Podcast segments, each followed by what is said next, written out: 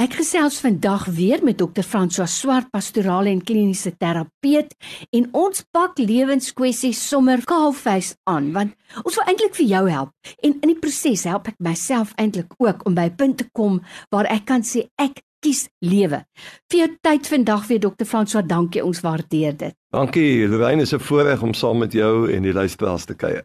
Nou Dr. François, ek kry 'n vraag van 'n luisteraar wat sê: Mense in die kerk het my seer gemaak.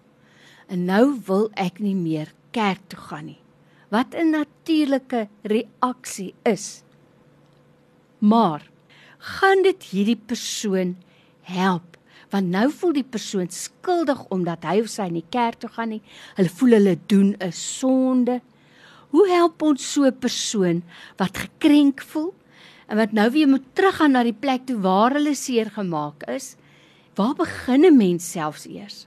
Is dit nie hartseer nie dat by die plek waar jy voel jy liefde gaan ontvang, mm. by die kerk waar gelowiges bymekaar is. Ons praat van mekaar as familie, ons noem mekaar broer en suster, ons het dieselfde waardes.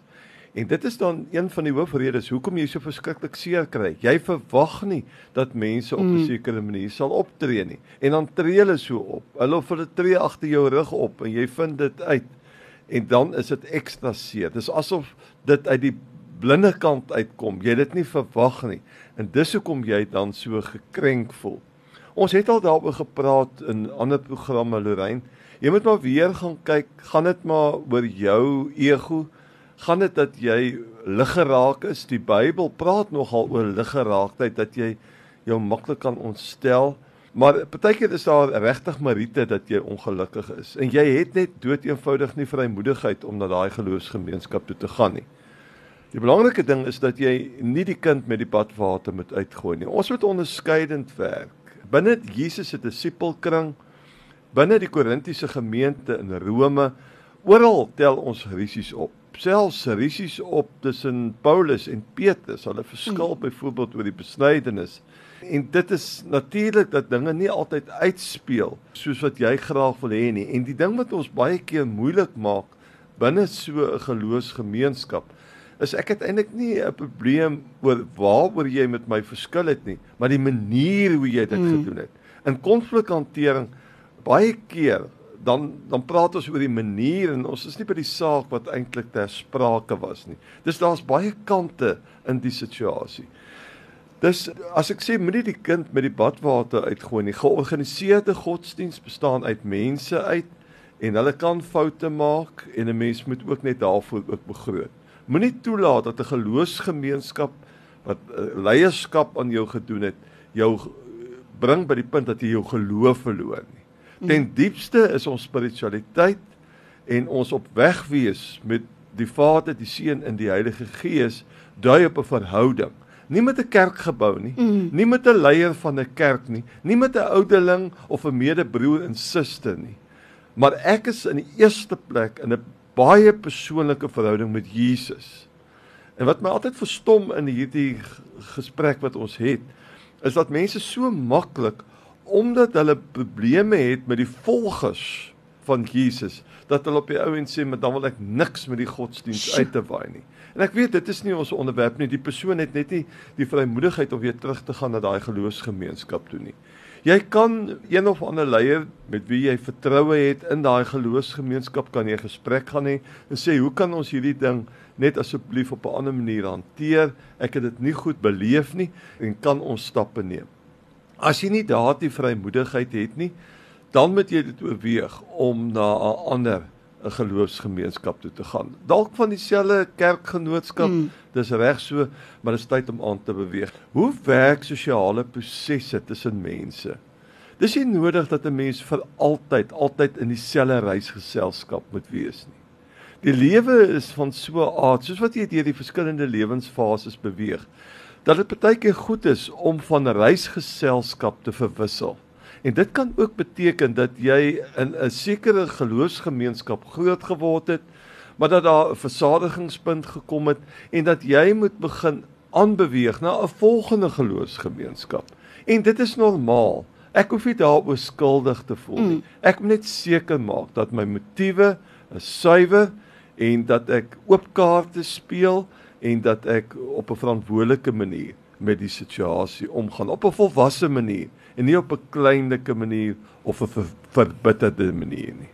Ek lees eendag iemand sê, "When I think in love of the saints above, oh what a life of glory.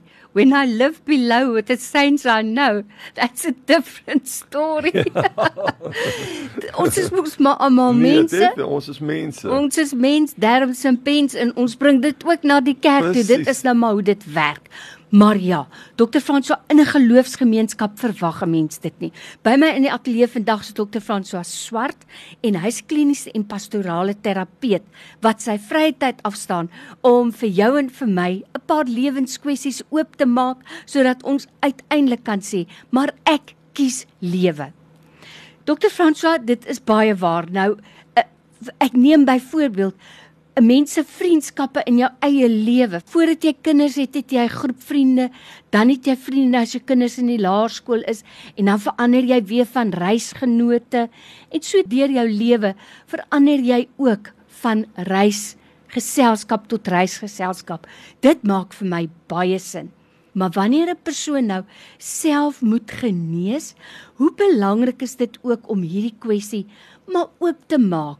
Nie net bitter te dink daaroor of hartseer gedagtes te hê nie, maar om dit objektief te bekyk, te sê Miskien is dit hoekom hierdie persoon so opgetree het. Dalk het ek dit gedoen. Hoe kan ek ook my eie aandeel in die situasie raak sien? Ons tyd is min, maar kom ons kyk 'n bietjie daarna. Ja, um, ek dink dit is 'n goeie noot om op af te sluit. Baie keer werk ek binne my praktyk ook met konfliksituasies binne families, binne huweliksstelsels, in 'n korporatiewe opset met 'n mens inbeweeg en dit hanteer. En dis baie interessant wanneer jy aanvanklik luister na die konflik en selfs die bitterheid. Hoe baie keer wanneer jy dit begin fasiliteer, rustig apart eers met die mense gesels en sê wat het presies gebeur? Mm.